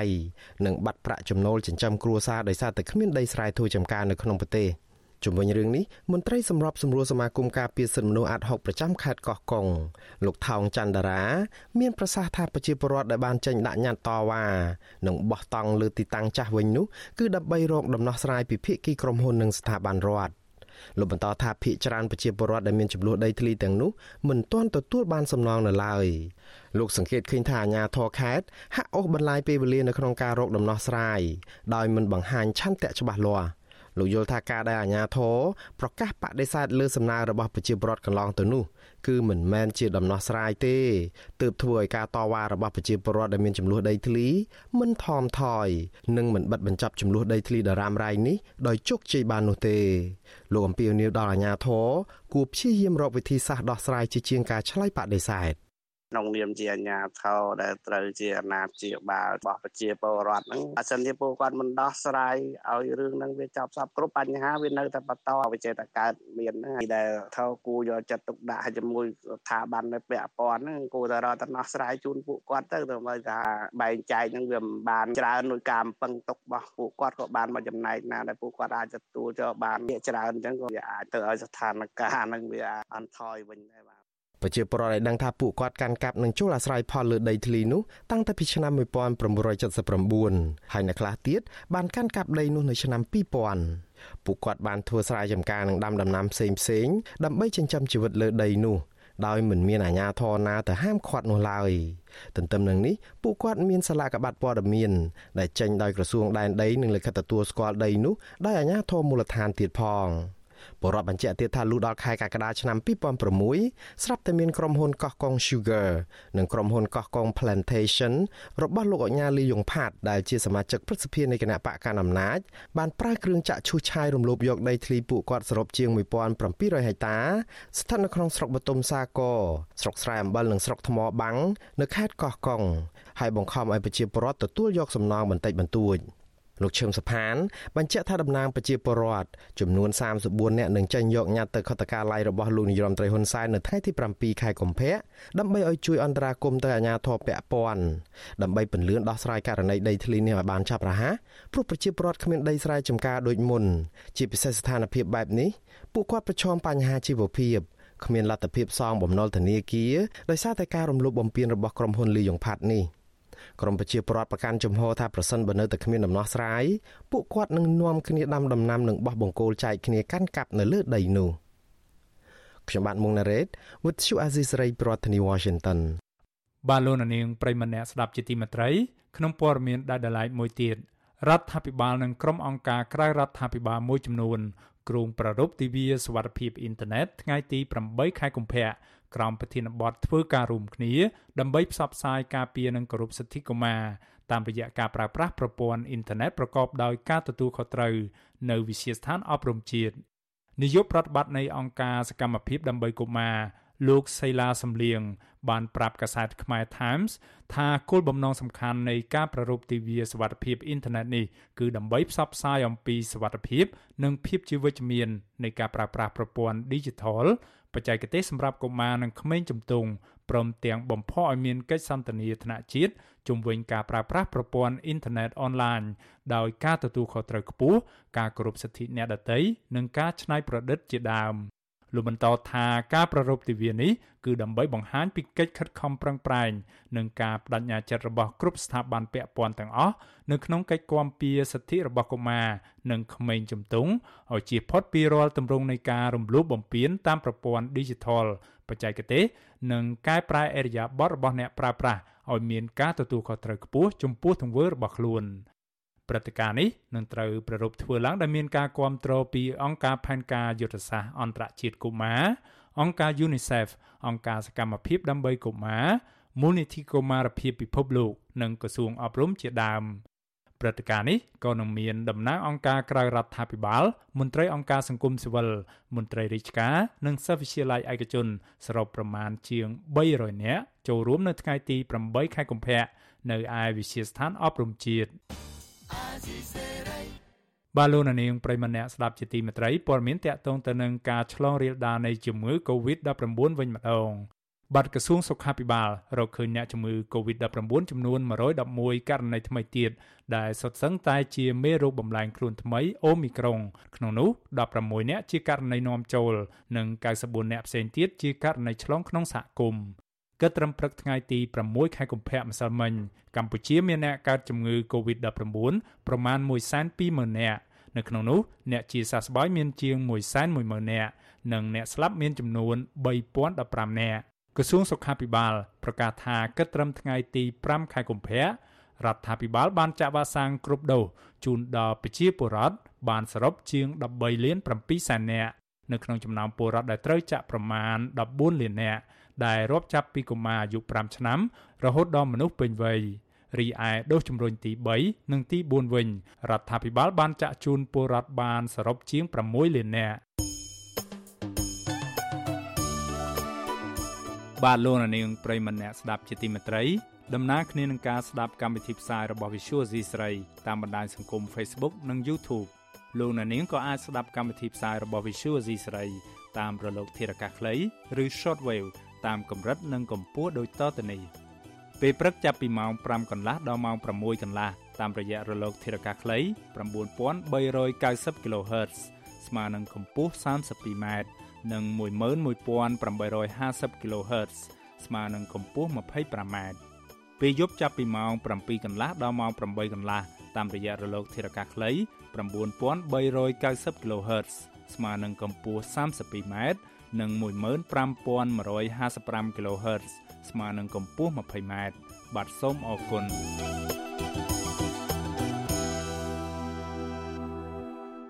បាឡូណានាងប្រិមម្នាក់ស្ដាប់ជាទីមេត្រីព័ត៌មានតកតងទៅនឹងការបន្តលុបបឹងតមោកនៅរាជធានីភ្នំពេញវិញម្ដងសកម្មជនបរិស្ថានព្រួយបារម្ភថាការបន្តលុបបឹងតមោកឬបឹងទំនប់កប់ស្រូវដោយគ្មានដំណាភាពជាង400ហិកតាថែមទៀត នឹងធ្វើឲ្យរាជធានីភ្នំពេញជួបប្រទះនៅបញ្ហាបរិស្ថានកាន់តែលំបាកធ្ងន់ធ្ងរមន្ត្រីអង្គការសង្គមស៊ីវិលជឿថារដ្ឋាភិបាលនឹងកាត់ផ្ទៃបឹងតាមុកនេះបន្តិចម្ដងបន្តិចម្ដង រហូតដល់លុបបឹងបាត់ទាំងស្រុងតែម្ដង បាទសូមអញ្ជើញលោកនាងស្ដាប់សេចក្តីរាយការណ៍មួយទៀតរបស់លោកមួងណារ៉េតជុំវិញព័ត៌មាននេះផ្ទៃបឹងតាមុកជាង400ហិកតាទៀតនឹងត្រូវចាក់ខ្សាច់លុបនៅពេលឆាប់ឆាប់នេះក្រោយពេលដែលប្រមុខរដ្ឋាភិបាលលោកហ៊ុនសែន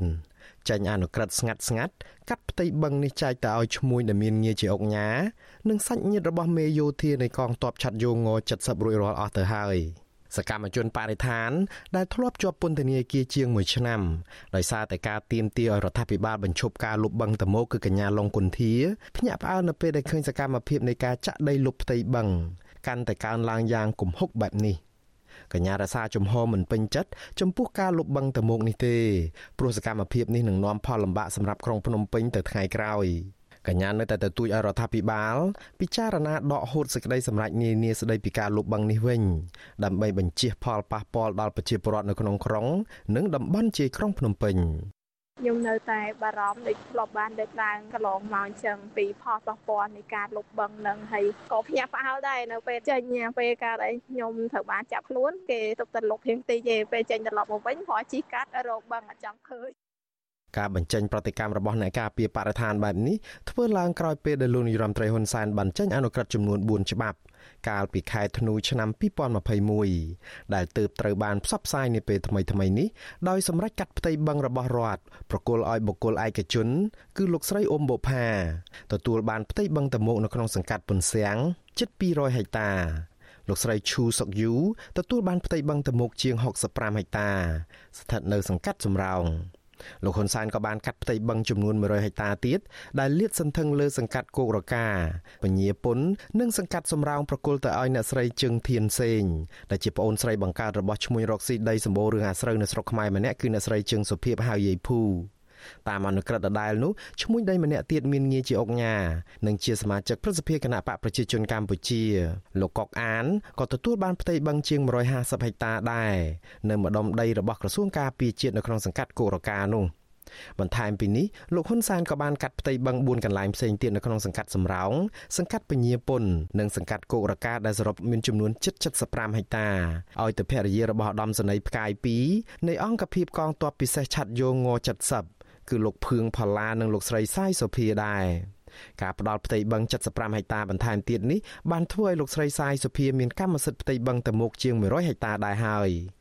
ទន្ទឹមនឹងនេះលោកហ៊ុនសែនបានកាត់ផ្ទៃបឹងទៅមុខចំនួន3ហិកតានៅសង្កាត់ពញាពុនឲ្យទៅគណៈកម្មាធិការជាតិរៀបចំការបោះឆ្នោតឬកោជបដែរនៅក្នុងពេលដែលដីត្រៀមសាងសង់ទីស្នាក់ការកោជបនៅបញ្ឆិតរដ្ឋសភានិងទល់មុខពុទ្ធសាសនបណ្ឌិត ត្រូវគេសង្ស័យថាអាញាធរលក់ទៅឲ្យក្រុមហ៊ុនបនលបែងដើម្បីសាងសង់អគារកាស៊ីណូ Naga World ទី2 ពាក់ព័ន្ធនឹងការសម្រេចកាត់ផ្ទៃបឹងរដ្ឋបន្ថែមទៀតនេះវិទ្យុអាស៊ីសេរីមិនអាចសុំការបញ្ជាក់ពីអ្នកនាំពាក្យសាលារដ្ឋាភិបាលភ្នំពេញលោកមេតមាសភក្តីនិងអ្នកនាំពាក្យរដ្ឋាភិបាលលោកផៃស៊ីផានបានទេនៅថ្ងៃទី6ខែកុម្ភៈបើទោះបីជាយ៉ាងនេះក្តីលោកផៃស៊ីផានប្រាប់សារព័ត៌មាននៅក្នុងស្រុកថាការកាត់ផ្ទៃបឹងតមោកឲ្យក្រុមហ៊ុនឯកជននិងអុកញ៉ាអាចបណ្ដាលមកពីពលរដ្ឋធ្លាប់អាស្រ័យផលនៅទីនោះលក់ឲ្យក្រុមហ៊ុនឯកជននិងអុកញ៉ាទាំងនោះ ចំណែកឯផ្ទៃបឹងដែលកាត់ឲ្យក្រសួងស្ថាប័នរដ្ឋគឺដើម្បីសាងសង់អគារសម្រាប់ធ្វើការឲ្យបានត្រឹមត្រូវក៏ប៉ុន្តែរឿងនេះមន្ត្រីអង្គការសង្គមស៊ីវិលយល់ថារដ្ឋាភិបាលមិនគួរលុបបង្ធម្មជាតិទេដោយគួរជ្រើសទីតាំងផ្សេងសម្រាប់សាងសង់អគាររដ្ឋវិញ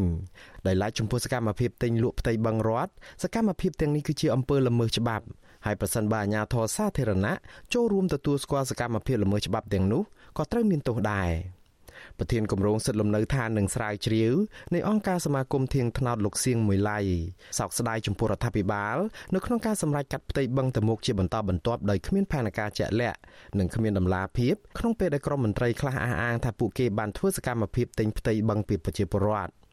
លោកជឿជាក់ថារដ្ឋាភិបាលនឹងលុបបឹងតមុកនេះទាំងស្រុងដូចបឹងនៅក្នុងក្រុងផ្សេងទៀតដែរដោយមិនរក្សាទុកធាទឹកឬកន្លែងស្តុកទឹកជ្រៅនោះទេព្រោះតាមអនុក្រឹត្យកន្លងមករដ្ឋាភិបាលបានកាត់ជ្រៀកផ្ទៃបឹងតមុកសោះកន្លែងអស់ទៅហើយលោកលើកជាចម្ងល់ថាហេតុអ្វីរដ្ឋាភិបាលអាចកាត់ផ្ទៃបឹងជាកម្មសិទ្ធិរបស់រដ្ឋប្រគល់ទៅឲ្យឯកជនបាន ស្របពេលដែលច្បាប់ចែងអំពីការផ្ដាល់ដីរដ្ឋទៅឲ្យវិស័យឯកជនអាចធ្វើបានតែពីរលក្ខខណ្ឌតែប៉ុណ្ណោះ។ គឺសម្បទានសង្គមគិច្ចសម្ដៅដល់ការផ្ដាល់ដីឲ្យប្រជាពលរដ្ឋទីទាល់ក្រ និងសម្បទានសេដ្ឋកិច្ចសម្ដៅដល់ការផ្ដាល់ដីឲ្យឈ្មួញធ្វើវិនិយោគបើទោះបីជាយ៉ាងនេះក្តីមន្ត្រីអង្គការសង្គមស៊ីវិលរូបនេះសង្កេតឃើញថាផលប្រយោជន៍នៃការកាត់ផ្ទៃបឹងតមោកន្លងមកនោះធ្លាក់ទៅលើដៃក្រុមហ៊ុនឬបុគ្គលឯកជនសុទ្ធសាធលោកបារម្ភថាក្រោយការដឹកដីនិងការបូមខ្សាច់លុបបឹងនេះរួចផលលំបាកធ្ងន់ធ្ងរនឹងត្រូវធ្លាក់លើប្រជាពលរដ្ឋ ទីតាំងកន្លែងហ្នឹងជាផ្ទៃបឹងដែលមានទឹករាប់ទសវត្សរ៍ហើយអញ្ចឹងណាជាសំណួរមួយថាតើការទិញរបស់គាត់ហ្នឹងទិញរបៀបម៉េចដែលការទិញនៅលើផ្ទៃបឹងហ្នឹងគិតនៅក្នុងន័យច្បាប់វាជាការទិញដែលខុសច្បាប់ហើយការទិញខុសច្បាប់ការទិញលើផ្ទៃបឹងហ្នឹងទាំងអ្នកលក់អ្នកទិញហើយនិងអ្នកទទួលស្គាល់ការលក់ទិញហ្នឹងសិតតែត្រូវទទួលខុសត្រូវចំពោះមុខច្បាប់ បឹងតមោកស្ថិតនៅខាងលិចឈៀងខាងជើងក្រុងភ្នំពេញគឺជាបឹងធំចុងក្រោយគេបង្អស់របស់ក្រុងភ្នំពេញដែលមានទំហំសរុបជាង3000ហិកតា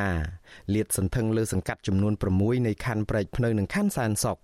ចាប់តាំងពីឆ្នាំ2018មករដ្ឋាភិបាល បង្កើនការចេញអនុក្រឹត្យកាត់ជ្រៀកពុះផ្ទៃបឹងនេះយ៉ាងតិចជាង42ដងហើយដើម្បីប្រគល់ឲ្យវិស័យឯកជនឈ្មួញដី មេយោធាសាច់ញាតិរបស់មន្ត្រីធំធំនៅក្នុងជួរបកកណ្ដាលអំណាចនិងស្ថាប័នរដ្ឋ គេហទំព័ររបស់អង្គការសមាគមធៀងថ្នោតចុះផ្សាយថារដ្ឋាភិបាលបានកាត់ផ្ទៃបឹងតមោកអស់ជាងពាក់កណ្ដាលទៅហើយគិតត្រឹមចុងឆ្នាំ2021នៅជុំវិញបឹងនេះមានប្រជាពលរដ្ឋរស់នៅនិងអាស្រ័យផលពីបឹងប្រហែល300គ្រួសារ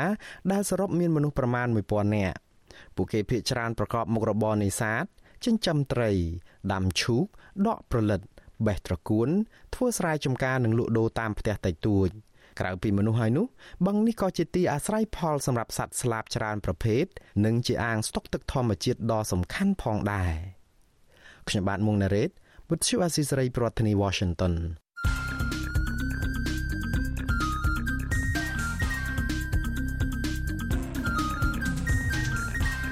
បតសំភារ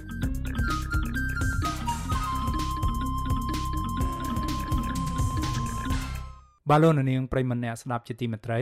ព័ត៌មានពាក់ព័ន្ធទៅនឹងសំណុំរឿងកោតកម្មរបស់កម្មករនយោជិតនៅកាស៊ីណូ Naga World នេះដែរបាត់ក្រុមកោតករនៃបនលបែងកាស៊ីណូ Naga World ថាការចាប់ខ្លួនកោតករចំនួន3នាក់និងបន្តស្វែងរកចាប់ខ្លួន4នាក់ទៀត គឺជារឿងអយុត្តិធម៌មិនអាចទទួលយកបាននោះឡើយដោយសំអាងថាពួកគេមិនបានរៀបរៀងដល់វិធានការសុខាភិបាលទប់ស្កាត់ជំងឺ Covid-19 ដោយតាមការចាត់បង្កាន់របស់អាជ្ញាធរនោះឡើយចំណែកអ្នកការពារសិទ្ធិមនុស្សវិញនៅតែមើលឃើញថាក្រមកោតក្រមានសិទ្ធិនៅក្នុងការតវ៉ាដោយអហិង្សាព្រោះសិទ្ធិនេះមានចែងនៅក្នុងបទដ្ឋានច្បាប់កម្ពុជា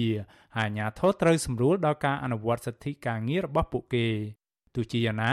អ្នកសិទ្ធិមនុស្សទទូចឲ្យអាជ្ញាធរដោះស្រាយបញ្ហានេះដោយងាកទៅប្រើប្រាស់ច្បាប់ការងារដោះលែងតំណាងសហជីពដែលកំពុងជាប់ឃុំ និងបញ្ឈប់ការបន្តចាប់ខ្លួនកុតកតទៅទៀតព្រោះថាពួកគេកំពុងក្លាយជាជនរងគ្រោះដោយអំពើអយុត្តិធម៌ផ្ទុនផ្ទុនគ្នាបាទជាបន្តទៅទៀតនេះសូមអញ្ជើញលោកនាងស្ដាប់បទសម្ភាសរវាងអ្នកស្រីសុជីវីជាមួយកម្មករដែលអាជ្ញាធរចេញដីកាតាមចាប់ខ្លួន គឺកញ្ញាអុកសុភ័ក្រមូលីកា និងលោករស់សុថានាយកប្រតិបត្តិអង្គការសម្ព័ន្ធភាពការពារសិទ្ធិមនុស្សហៅកាត់ថាច្រាក់ជុំវិញរឿងរ៉ាវនេះដូចតទៅមូលិកាចង់ដឹងថាតើមានរឿងរ៉ាវអ្វីខ្លះបានជាឈានទៅដល់មានការចាប់ខ្លួនមនុស្ស3នាក់ហើយនឹងកាលនោះមានចាប់គ្នាច្រើននាក់ណាប៉ុន្តែបានដោះលែងមកវិញឥឡូវនៅសល់តែ3នាក់ទេហើយក៏មានផែនការនឹងតាមចាប់មនុស្ស4នាក់ផ្សេងទៀតតើរឿងរ៉ាវយ៉ាងម៉េចបានជាឈានទៅដល់មានការចាប់ខ្លួននេះនៅពេលដែលកោតតកយល់ព្រមធ្វើ តេស្តរោគជំងឺ Covid-19 ទៅតាមអ្វីដែលក្រសួងសុខាភិបាលទាមទារហើយនឹងចា៎ចាបងខ្ញុំក៏អត់ដឹងដែររឿងហ្នឹងព្រោះថាពួកយើងបានទៅធ្វើសំណាក់តាមការដែលក្រសួងសុខាភិបាលគាត់ចេញលិខិតមកឲ្យពួកយើងទៅធ្វើសំណាក់អញ្ចឹងពួកយើងក៏យកព្រមធ្វើសំណាក់អញ្ចឹងយើងក៏ស្រស់ស្រួលគ្នាថ្ងៃ5ហ្នឹងពួកយើងទៅធ្វើទាំងអស់គ្នាហើយពេលដែលយើងទៅហ្នឹងទៀតគឺគាត់បានបិទកន្លែងផ្ញើម៉ូតូនៅអ៊ីអនមិនឲ្យពួកយើងផ្ញើទេបិទនៅអឺ បៀបរាយបិទទៅបិទជុំវិញហ្នឹងកន្លែងណាដែលមានផ្ញើម៉ូតូហ្នឹងគឺឮថាមេភូមិហ្នឹងដើរប្រាប់តែម្ដងថាមិនឲ្យឲ្យសួរនាំថាបើសិនជាបុគ្គលិក Nagawer គឺមិនឲ្យផ្ញើម៉ូតូទេពេលហ្នឹងគឺមានកងកម្លាំងសមត្ថកិច្ចមានទាំងស៊ីវិលមានទាំងឯកសន្តានចុះមកច្រើនណាបងគាត់ចុះមកបិទផ្លូវនៅជុំវិញអ៊ីអនហ្នឹងហើយក៏មានឡានក្រុងមកដាក់ឲ្យពួកខ្ញុំហ្នឹងឡើងទៅយកសំណាក់ទាំងដែលពួកខ្ញុំបានប្រាប់គាត់ហើយតាំងពីថ្ងៃ4ថាថ្ងៃ5ហ្នឹងគឺពួកខ្ញុំនឹងទៅយកសំណាក់អឺមួយវិញទៀត លិខិតរបស់ក្រសួងសុខាភិបាលក៏បានដាក់មកដែរថាមានរយៈពេល3ថ្ងៃឲ្យពួកខ្ញុំនឹងទៅយកសំណាក់អញ្ចឹងវាអត់ទាន់ផុតថ្ងៃដែលពួកខ្ញុំទៅយកសំណាក់ទេតើហេតុអីបានជាគាត់ឥឡូវនេះចេញដីកាថាពួកខ្ញុំនឹងរៀបរៀងវិធានការ COVID-19 នឹងទៀតអញ្ចឹងតើពួកខ្ញុំរៀបរៀងកន្លែងណាបើពួកខ្ញុំទៅយកសំណាក់ប្រូទៅយកសំណាក់ថ្ងៃ5ហ្នឹងយកសំណាក់ហើយហើយពេលដែលចេញពីយកសំណាក់វិញហ្នឹងគឺយប់ហើយបងដោយសារតែយើងមើលទៅគឺលក្ខណៈថាគាត់ ធ្វើពន្យាពេលឲ្យមេឃងឹតហើយដល់ពេលដែលពួកយើងបំបែកគ្នាទៅផ្ទះហ្នឹងគឺគេបានចាប់ពួកយើងអស់6នាក់ហើយដល់ពេលអញ្ចឹងពួកយើងក៏ឆ្ងល់ថាហេតុអីបានត្រូវចាប់ពួកយើងទៀតពួកយើងមកធ្វើសំណាក់ព្រមមកធ្វើសំណាក់ហើយហេតុអីក៏នៅត្រូវតែមកចាប់ទៀតបើពួកខ្ញុំមិនមិនមិនមកធ្វើសំណាក់អានឹងបានត្រូវចាប់ខ្លួនពួកខ្ញុំតែសារតែពួកខ្ញុំមិនព្រមគោរពតាមប៉ុន្តែនេះពួកខ្ញុំព្រមមកធ្វើសំណាក់ជាក់ស្ដែងថ្ងៃនេះ ក៏ពួកខ្ញុំបុគ្គលិកកម្មករដតីដែលមិនទាន់បានធ្វើសំណាក់ក៏នាំគ្នាទៅធ្វើសំណាក់ដែរលោករស់ថាតើលោកយល់ឃើញយ៉ាងម៉េចចំពោះការលើកឡើងថាការដែលអនុវត្តសិទ្ធិរបស់ក្រមកោតក្រនៅឯកាស៊ីណូ Nagawer នេះកំពុងតែប្រឆាំងនឹងច្បាប់បានន័យថាពេលនេះរឿងរ៉ាវរបស់កោតក្រដែលតវ៉ាសម្រាប់ការពារឆ្នាំងបាយខ្លួនឯងនេះឥឡូវនេះប្រែคล้ายទៅជាការតវ៉ាដែលប្រឆាំងនឹងច្បាប់ប្រឆាំងនឹងអាជ្ញាធររដ្ឋទៅហើយតើយ៉ាងម៉េចរឿងនេះចាលោកស្ថាចា ខ្ញុំសូមធ្វើការកត់សម្គាល់ជាបឋមថា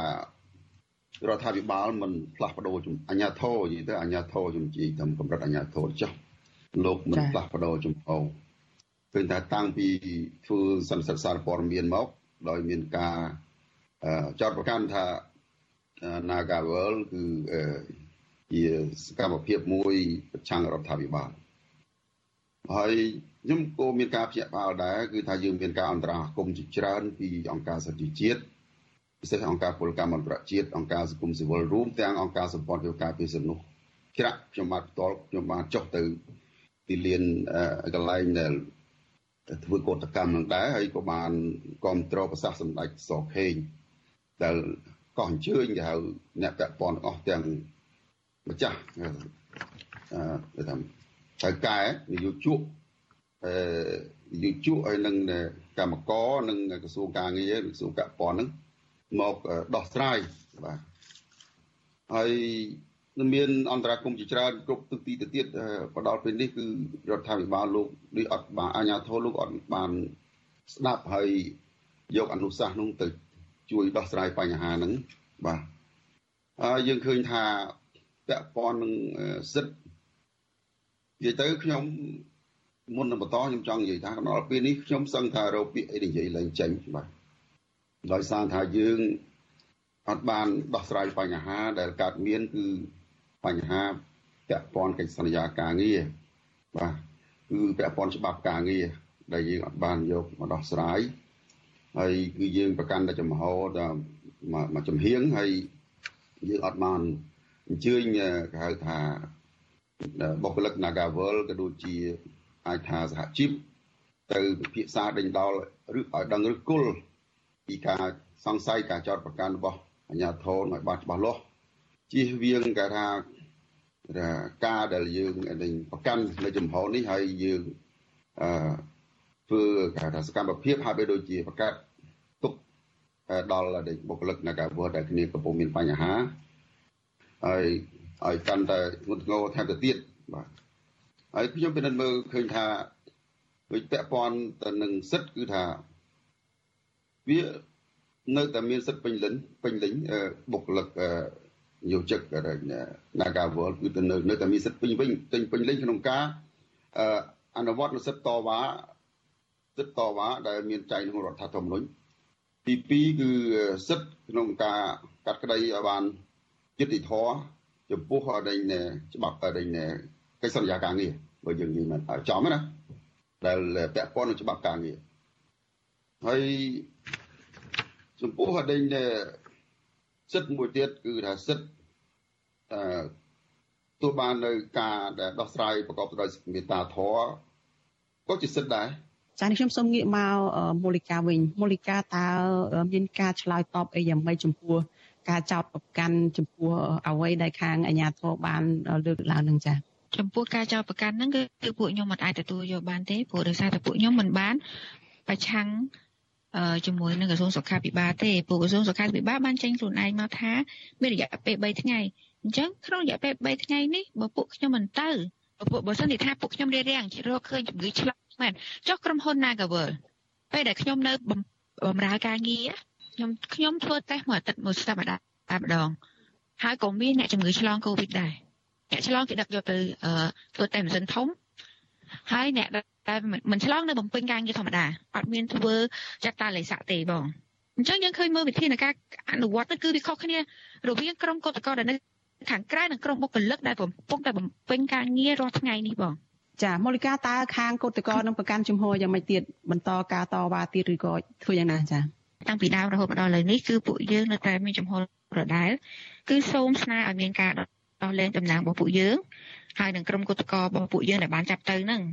ទម្លាក់ចោលបទចោតទទួលយកពួកគាត់ហើយនឹងចូលតុចរចាដោយមានភាពដោយមានតម្លាភាពហើយមួយវិញទៀតបងខ្ញុំសូមបន្ថែមបើសិនជាគាត់ចោទថាខ្ញុំរារាំងអញ្ចឹងហើយចោទក្រុមហ៊ុន Nagawer បើចាប់ខ្ញុំចោទក្រុមហ៊ុន Nagawer ផងបងក្រសួងសុខាភិបាលសូមមេត្តាកលេចទៅមើលក្រុមហ៊ុន Nagawer ផងសូមគុំធ្វើការរើសអើងមកលើពួកខ្ញុំដែលជាកោតក្រគេអា ចចាត់លោកស្ថាមានអ្វីបន្ថែមទេយ៉ាសូមខ្លីគិតថានៃលោកថៅកែនៃ Nagavel គួរទៅលោកចេញមកដោះស្រាយទៅណាសម្រាប់ប្រមូលទៀតទៅប្រាក់ប៉ុណ្ណឹងទិញរួចណាស់ហើយខ្ញុំគិតថាលោកមានសមត្ថភាពនឹងអាចដោះស្រាយបញ្ហាឲ្យចប់កុំឲ្យទុកបញ្ហាហ្នឹងវាអូម្លាយអញ្ចឹងនាំឲ្យមានស្មុគស្មាញបញ្ហាដល់មុខមាត់ក្រុមហ៊ុនក៏ដូចជារដ្ឋាភិបាលហើយខ្ញុំចង់កត់សម្គាល់ថាកម្មករលោកមានសិទ្ធិក្នុងការ មានការថាសហជីពបាទទី2ក៏មានសិទ្ធិការដោះស្រាយតាមផ្លូវច្បាប់ការងារបាទហើយអានឹងគឺជាកត្តាចាំបាច់ដែលយើងត្រូវដោះស្រាយជូនគាត់ហើយជាសំណពររបស់ខ្ញុំខ្ញុំសូមឲ្យ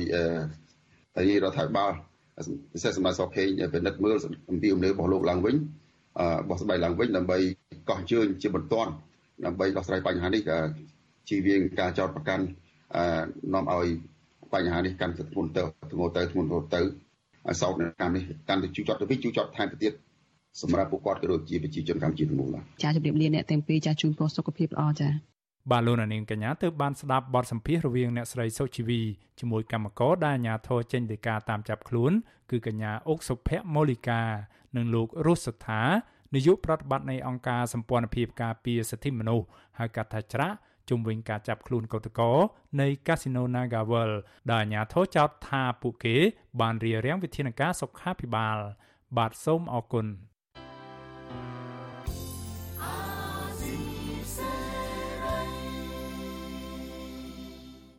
បាទលោកនាងកញ្ញាប្រិមម្នាក់ស្ដាប់ជាទីមេត្រីកម្មវិធីផ្សាយរយៈពេល1ម៉ោងនៃ Visual Asia ស្រីជាភាសាខ្មែរនៅពេលនេះចប់តែប៉ុណ្ណេះ យើងខ្ញុំសូមជូនពរដល់លោកនាងកញ្ញាព្រមទាំងក្រុមគ្រួសារទាំងអស់ឲ្យជួបប្រកបតែនឹងសេចក្តីសុខចម្រើនរុងរឿងកំបីគ្លៀនគ្លាតឡើយខ្ញុំបាទមេរិតព្រមទាំងក្រុមការងារទាំងអស់នៃ Visual Asia ស្រីសូមអរគុណនិងសូមជម្រាបលា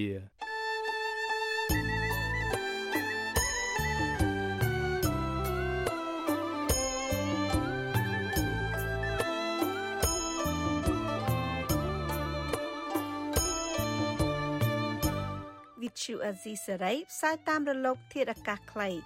ឬ short wave តាមកម្រិតនិងកម្ពស់ដូចតទៅនេះពេលព្រឹកចាប់ពីម៉ោង5កន្លះដល់ម៉ោង6កន្លះតាមរយៈរលកធាតុអាកាសខ្លី9390 kHz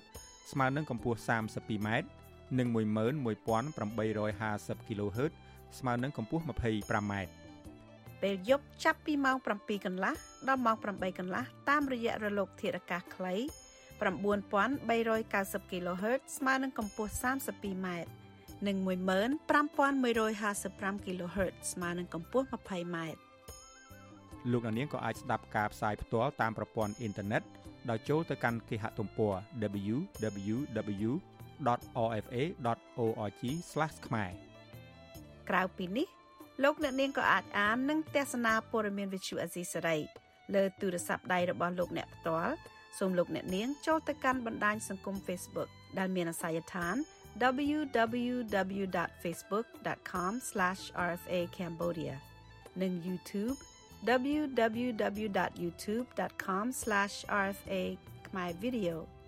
សូមលោកអ្នកនាងចុច like និងចុច subscribe ដើម្បីទទួលបានព័ត៌មានថ្មីៗទាន់ហេតុការណ៍និងទស្សនាវីដេអូផ្សេងៗទៀតបានគ្រប់ពេលវេលា។